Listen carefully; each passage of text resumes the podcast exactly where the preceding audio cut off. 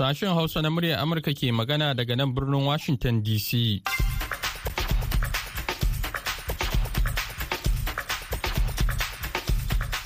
Masu sauraro Assalamu alaikum barkanku da wannan lokaci. Muhammad Hafiz Baballe ne tare da Maryam Dauda da sauran abokan aiki muka sake dawowa a shirinmu na hantsi a yau ranar Talata 21 ga watan Fabrairu na shekarar 2023.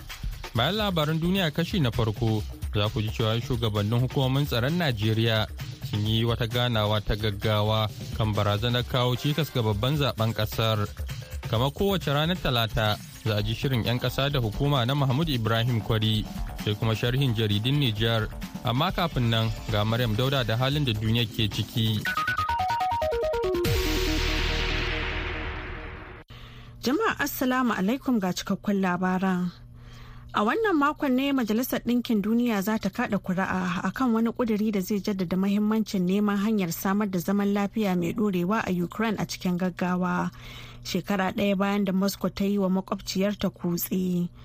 Ƙudirin wanda Ukraine ta rubuta bayan ta tattauna da ƙasashe abokan hulɗarta da kuma ƙasashen da ke da ra'ayi za a kaɗa kuri'a a kansa a ƙarshen wani zaman majalisa na gaggawa na musamman da za a fara gobe laraba da yamma a kuma ci gaba da yinsa har zuwa ranar alhamis.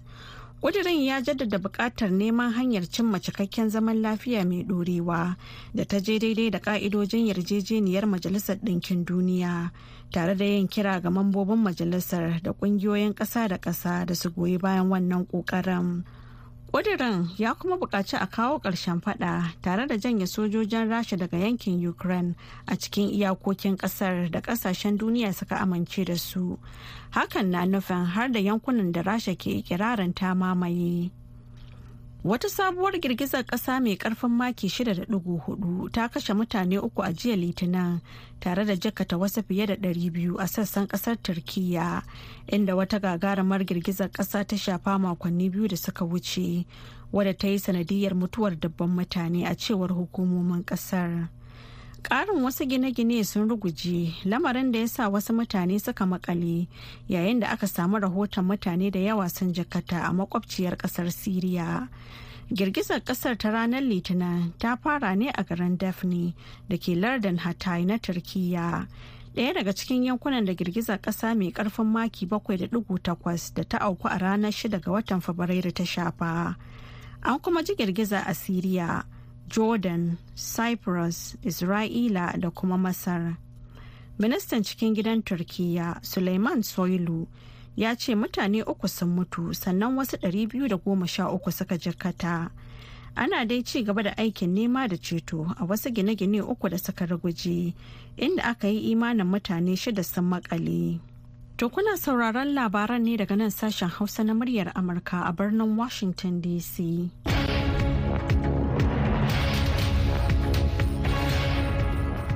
Kafin mu kawo muku sauran labaran da muke ɗauke da su, za mu fara kawo muku rahotonmu na farko. Manyan hafsoshin soji da sauran shugabannin hukumomin tsaron Najeriya sun yi wata ganawar gaggawa a daidai lokacin da 'yan Boko Haram da tsigerun kudu maso gabas ke cewa za su kawo cikas a babban zaɓen gama garda za a fara nan da kwanaki huɗu. Daga Abuja ga rahoton da wakilin Hassan Maina kai ya aiko mana. Looking at the security for the elections, we are set. Babban hafsan hafsoshin rundunar tsaron Najeriya kenan, General Loke Irabo. Yawa manema labarai karin bayani bisa wani taron gaugawa na manyan hafsoshi da sauran shugabannin hukumomin tsaro akan shirye-shiryen samar da tsaro kafin yayin da kuma bayan babban zaɓe na ƙasa. General loki rabo ya ce sun kalelece jadawalin tsarin samar da tsaro yayin zaɓen da ma halin da ƙasar take ciki. Ya ce bayan an asase baki ɗayan halin da ake ciki sun tabbatar da cewar idan batun samar da tsaro ne yayin zaɓe to ba matsala. To address those uh, peculiar uh, areas. Taron na manyan jami'an tsaron Najeriya na zuwa ne a daidai lokacin da ƙungiyar Boko Haram ta sake wani faifan bidiyo inda take barazanar kawo cikas yayin wannan zaɓe. Yayin da ɗaya ɓangaren kuma ƙungiyar 'yan awaren kudu maso gabashin Najeriya su ma ke yin barazana domin kawo cikas yayin wannan zaɓe. Amma duk da haka babban hafsan sojojin ya ce wannan ba matsala. And I'd like to use this opportunity to assure Nigerians that on the security front we are good to go. General Irabo ya jaddada tabbatarwa 'yan Najeriya cewar in dai batu ne na tsaro yayin wannan zaɓe to ba matsala. Domin jami'an tsaron sun shirya tsaf domin tunkara duk wani kalubalen tsaro. Kowa zai samu damar gwada 'yancinsa na yin zaɓe cikin kwanciyar hankali da lumana. Kuma duk wanda ya yi kasassaɓar kawo cikas yayin wannan zaɓe to tabbas zai yaba wa aya zaki. Kalaman babban hafsan hafsoshin tsaron Najeriya kenan General Loki Irabo. To ko mai masana tsaro ke cewa akan haka? Major Bashir Galma mai ritaya mai sharhi ne kan sha'anin tsaron. Wannan mitin da ka gani an yi shi gagarumin taro ne. Duk wani maganganu da wa'annan 'yan tarasi suke yi a nuna musu dai jami'an tsaro na ƙasan gaba ɗaya sun shirya gargaɗi ne gare su ko na Biafra ɗin ne ko na Boko Haram ne. A gefe guda kuma hukumar wayar da kan jama'a ta Najeriya wato NOWA na ƙara jaddada kiranta ga 'yan Najeriya domin samun nasarar gudanar da wannan zaɓe. Dr. Garba Abari shine darakta janar na wannan hukuma. Abin da ake tsammanin su talakawa su yi na farko su fito ranar zaɓe su kada ƙuri'a na biyu su zamana masu kishin ƙasa masu son zaman lafiya da lumana na uku su zamana masu zuwa su kada ƙuri'a ba tare da an yi cinikayya tsakanin mai saye da mai sayarwa domin sayar da ƙuri'a illarsa shine idan ka siya ka sai da ƙuri'ar ka to ka sai da yanci Hassan mai na kaina muryar Amurka daga Abuja, Nigeria.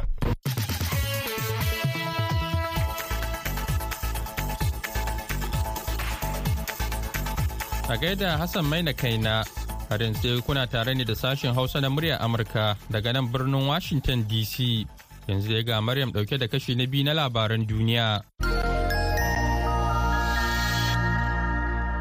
Ma'aikatan agaji a Somalia sun ce suna da damuwa game da yiwuwar samun raguwar tallafin jinƙai a yayin da ƙasar ta Somalia ke fama da fari mafi muni da aka gani cikin shekaru. Karancin masu ba da gudunmuwa gami da sauran wasu matsaloli da yawa a faɗin duniya da kuma ke buƙatar tallafin jinƙai ka iya rage yawan kuɗaɗen da Somalia ke samu a cewar ma'aikatan na jinƙai.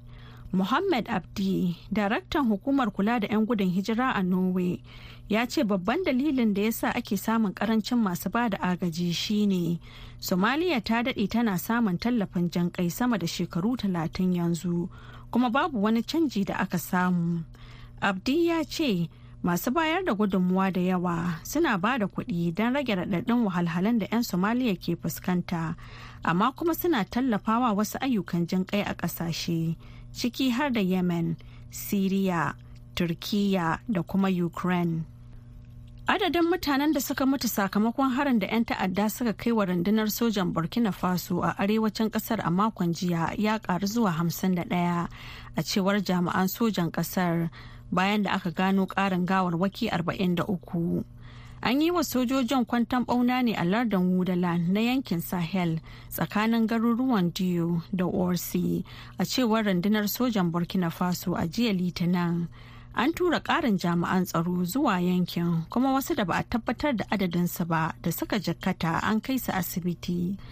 Kasar da ke yankin yammacin afirka ta sha fama da tashin hankali mai nasaba da ƙungiyoyin alka'ida da isis tsawon shekara bakwai tashin hankalin da ya yi sanadin mutuwar dubban mutane tare da raba kusan mutane miliyan biyu da matsugunansu da kuma haifar da matsalar janƙai gazawar gwamnatoci wajen magance matsalar yadda ya kamata ta haifar da juyin mulki har sau biyu a shekarar da ta gabata inda kowane shugaban mulkin soja ke alkawarin kawo ƙarshen hare-hare da kuma tabbatar da tsaro a ƙasar amma duk da haka haƙa ba ta cimma ruwa.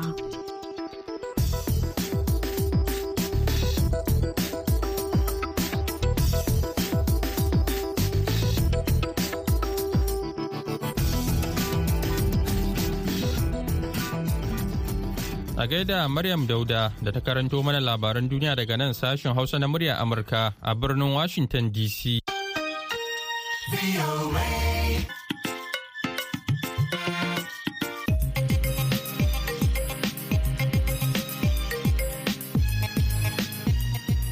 Madalla, kafin mu kai ga shirinmu na gaba, mu shakata da wannan faifai.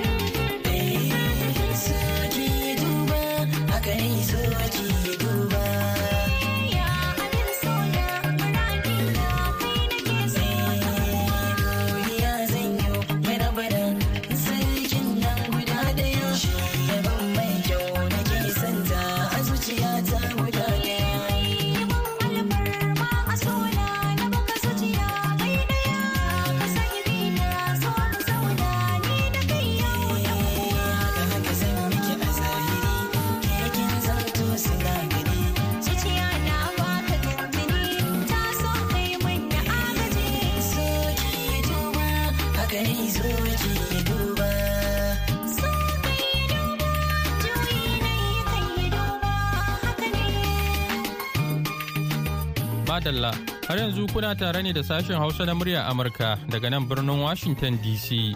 Muna kuma yada shirye-shiryen ne akan mitoci 16, 25 da kuma 31 a jamhuriyar Nijar kuma za a iya sauraron matashar mu ta BOA Africa akan mita 200.5 kuna kuma iya sauraron mu a duk lokacin da kuke buƙata a boahausa.com yanzu kuma sai shirinmu na gaba. 'Yan ƙasa da hukuma. Ka shaƙe cikin kada zalunci. Mai za ka faɗa a cikin yanci. Mai wannan hali yau shi ne komai ya faɗa mana karya ne. Don mun sallogar zambo ne Asare Assalamu alaikum barka da saduwa da ku ta cikin shirin 'yan ƙasa da hukuma da ni Mahmud Ibrahim Kwari zan gabatar.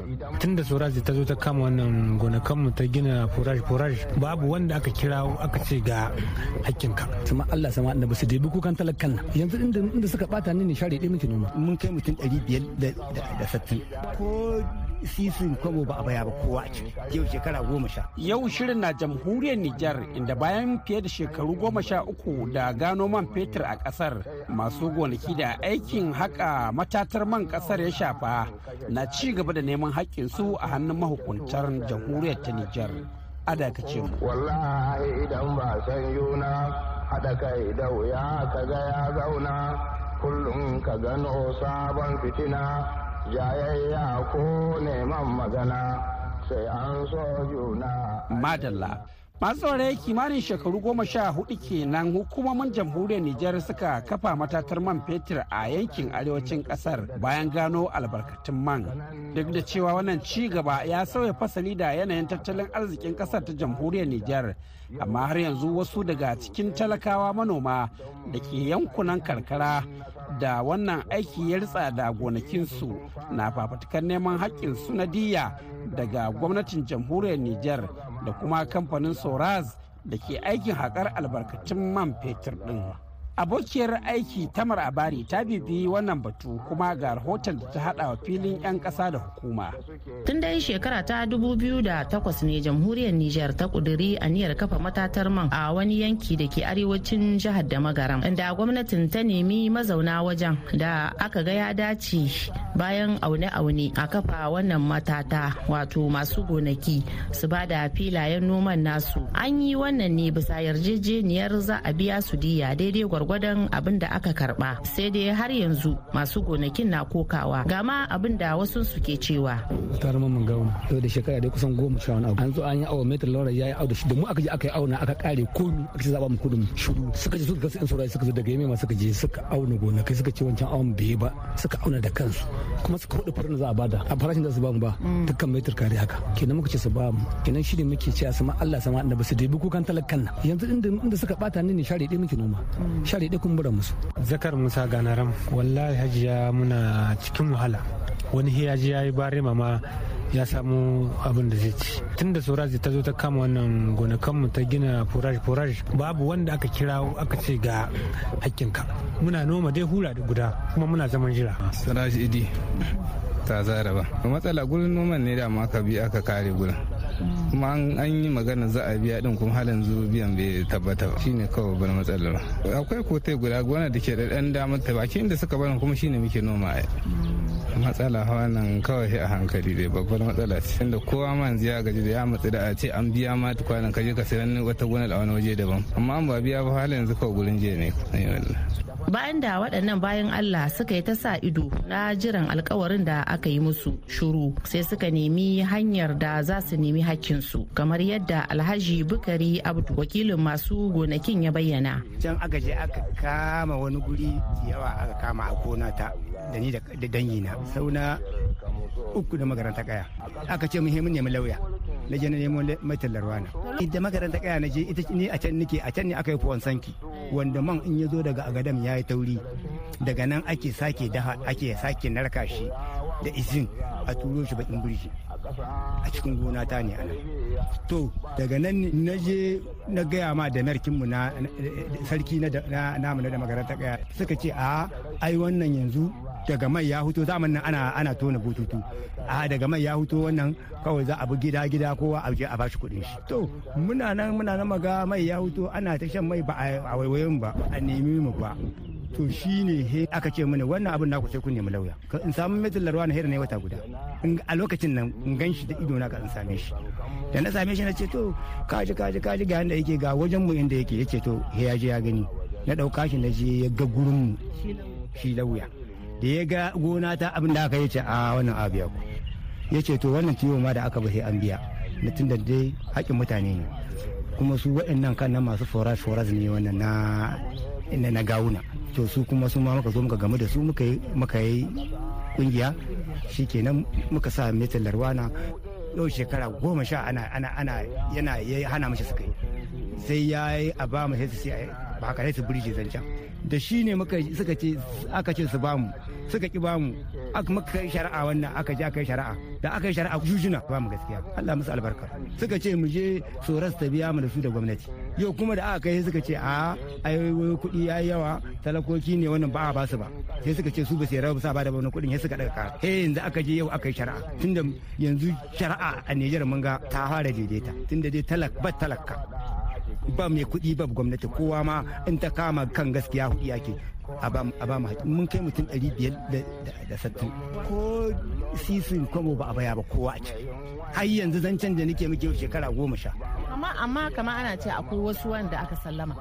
Wanda aka sallama yan soraz ne yan ginin soraz ne wanda aka yi matacen mai. Su ne aka sallama. Su ne kawai suke shiga rediyo suna babata suna cewa sun baya mutane sun baya mutane don su cuci mutane. Mu ko da baban harkan ba ya zan kurra. Daga lotan nan ne zai fara.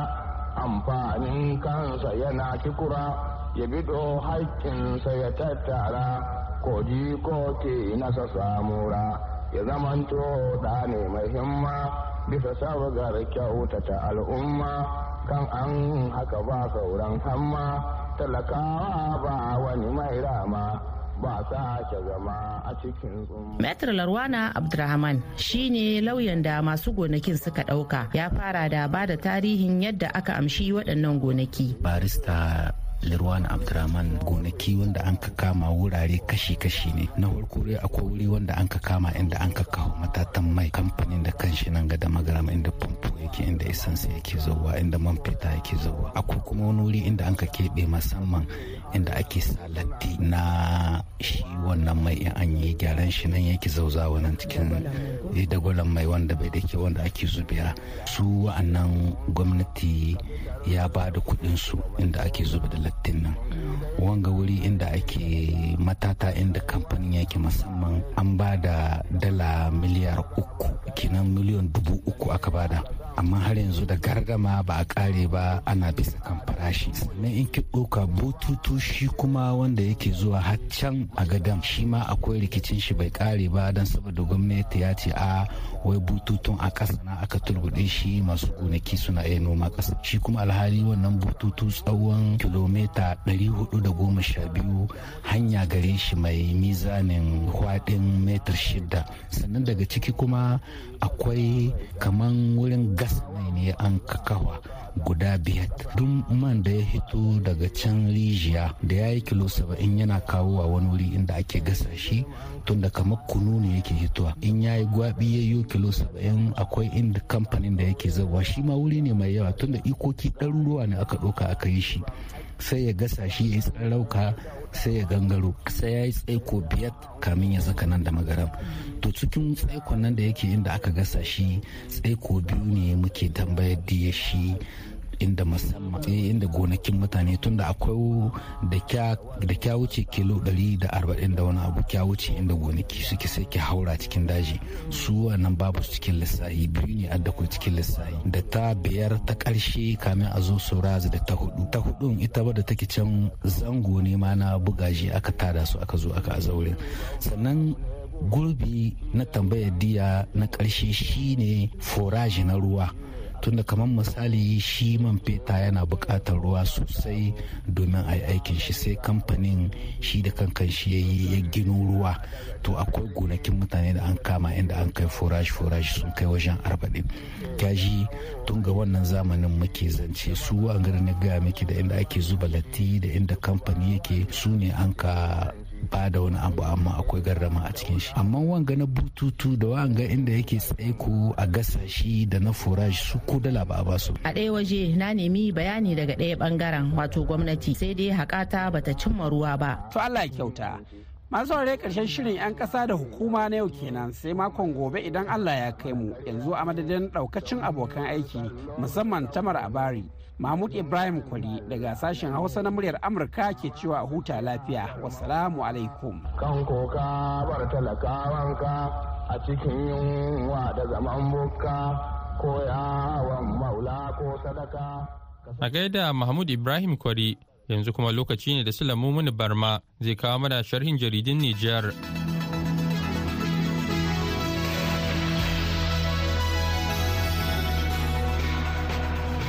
Za mu fara sharhin jaridun na wannan mako da jaridar Le Sahel wacce ta ruwaito cewa shugabannin ƙasashen Sahel mambobin ƙungiyar Jason Sahel sun gudanar da taron gaugawa karo na shida a ƙasar Chadi a jiya Litinin domin nazarin hanyoyin farfado da ayyukan ƙungiyar mai yaƙi da ta'addanci a wannan yanki. jaridar ta ce shugaban ƙasar Nijar Muhammad Bazoum wanda ya halarci taron shugabannin ƙasashen Afirka a ƙarƙashin inuwar ƙungiyar AU da ya gudana a ranakun asabar da ladin da suka gabata a addis ababa. Kai tsaye ya sauka birnin injamaina inda suka tantauna a kan yanayin da ake ciki a yankin sahel da yadda za a bullo matsalolin tsaron da ake fama da su. Jaridar ayir info na cewa jami'an kula da binciken kwakwaf a filin jirgin saman jore hamani na yamai da filin jirgin saman mano da yak na agades sun fara ɗaukan horo a nan birnin yamai. A ci gaba da ƙarfafa matakan toshe hanyoyin safarar miyagun abubuwa. Jaridar ta ce jami'an cibiyar cat wato selil aeroportier anti-traffic kimanin 24 da jami'an hukumar duwan ko kuma custom biyu ne ke ɗaukar wannan horo a baɗimi da zahiri wato a takarda da a aikace da nufin ƙara ankarar da su wasu sabbin hikimomin da za su ba su damar bankaɗo miyagun abubuwa da ke ratsa ƙasashe ta hanyoyin sama. Jaridar nishar enter ebdo ta ce bayan da aka shafe wata guda ana fafatawa a shari'ar sojojin da ake zargi da yunkurin juyin mulkin 31 ga watan maris na 2021 alkali ya bayyana ranar 24 ga watan nan na fabrairu a matsayin ta sanar da hukuncin da zai yanke. Jaridar ta ce hafsoshi manya da ƙanana kusan sattin ne suka gurfana a yayin wannan zama da ya baiwa bangarori damar gabatar da hujjoji. Da zummar tantance gaskiyar lamarin abubuwan da suka wakana a kewayen fadar shugaban ƙasar Nijar kwanaki biyu kacal kafin shugaba Isu Muhammadu ya damka mulki ga wanda zai gaje shi Muhammad Bazoum. mu karkare da jaridar le souffle de maradi da ke cewa shugaba muhammadu buhari mai shirin barin gado ya buƙaci 'yan najeriya su zaɓi ɗan takarar jam'iyyar apc bola ahmed tinubu a zaɓen 25 ga watan fabrairu jaridar ta ce shugaban wanda a wurin wani taron gangami ya ɗaga hannun mutumin da ya ce yana fatan ya gaje shi ya yi godiya wa talakawan da suka ɗora shi akan karagar mulkin ƙasa har sau biyu. Saboda haka ya tunatar da su cewa baya takara amma jam'iyyarsa ta apc ta tsayar da ɗan takara akan buƙatar su bashi yarda. Sule mummuni barma muryar amurka daga yamai a jamhuriyar niger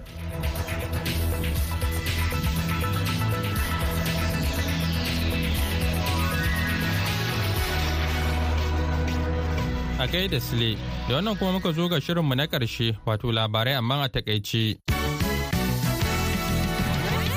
A wannan makon ne Majalisar Ɗinkin Duniya za ta kaɗa kuri'a a kan wani ƙuduri da zai jaddada mahimmancin neman hanyar samar da zaman lafiya mai ɗorewa a Ukraine a cikin gaggawa. Shekara ɗaya bayan da Moscow ta yi wa makwabciyarta kutse. Ƙudurin wanda Ukraine ta rubuta bayan ta tattauna da ƙasashe abokan hulɗarta da kuma ƙasashen da ke da ra'ayi. Za a kada kuri'a a kansa a ƙarshen wani zaman majalisa na gaggawa na musamman da za a fara gobe laraba da yamma a kuma ci gaba da yansa har zuwa ranar alhamis.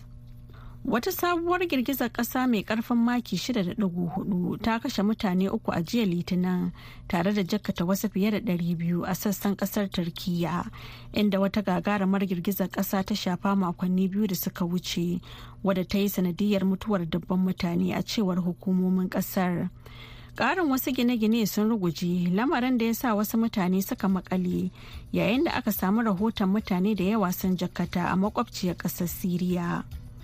Ma'aikatan agaji a somaliya sun ce suna da damuwa game da yiwuwar samun raguwar tallafin jan a yayin da ƙasar ke fama da fari mafi muni da aka gani cikin shekaru. Karancin masu ba da gudunmuwa gami da sauran wasu matsaloli da yawa a faɗin duniya da kuma ke buƙatar tallafin jan kai ka iya rage yawan kuɗaɗen da somaliya ke samu a cewar ma'aikatan jan kai. Muhammad abdi daraktan hukumar kula da 'yan gudun hijira na norway ya ce babban dalilin da ya sa ake samun ƙarancin masu ba da agaji shine somaliya ta daɗe tana samun tallafin jin kai sama da shekaru talatin yanzu kuma babu wani canji da ake samu. To masu sauraro da takaitattun labaran muka kawo ƙarshen shirin namu na wannan lokaci sai kuma da ƙarfe huɗu agogon najeriya nijar da kamaru ƙarfe uku agogon ghana. Ku ji wasu abokan aikinmu da wani sabon shiri ciki har da noma tushen arziki. Yanzu a madadin dukkan waɗanda suka ba da gudunmawa ga nasarar wannan shirin musamman maryam dauda da ta karanto labarai sai kuma jumbe hamza da daidaita mana sauti da ba da umarni da ma injiniyan mu na yanzu muhammad hafiz baballe ke sallama da ku daga nan sashin hausa na muryar amurka a birnin washington dc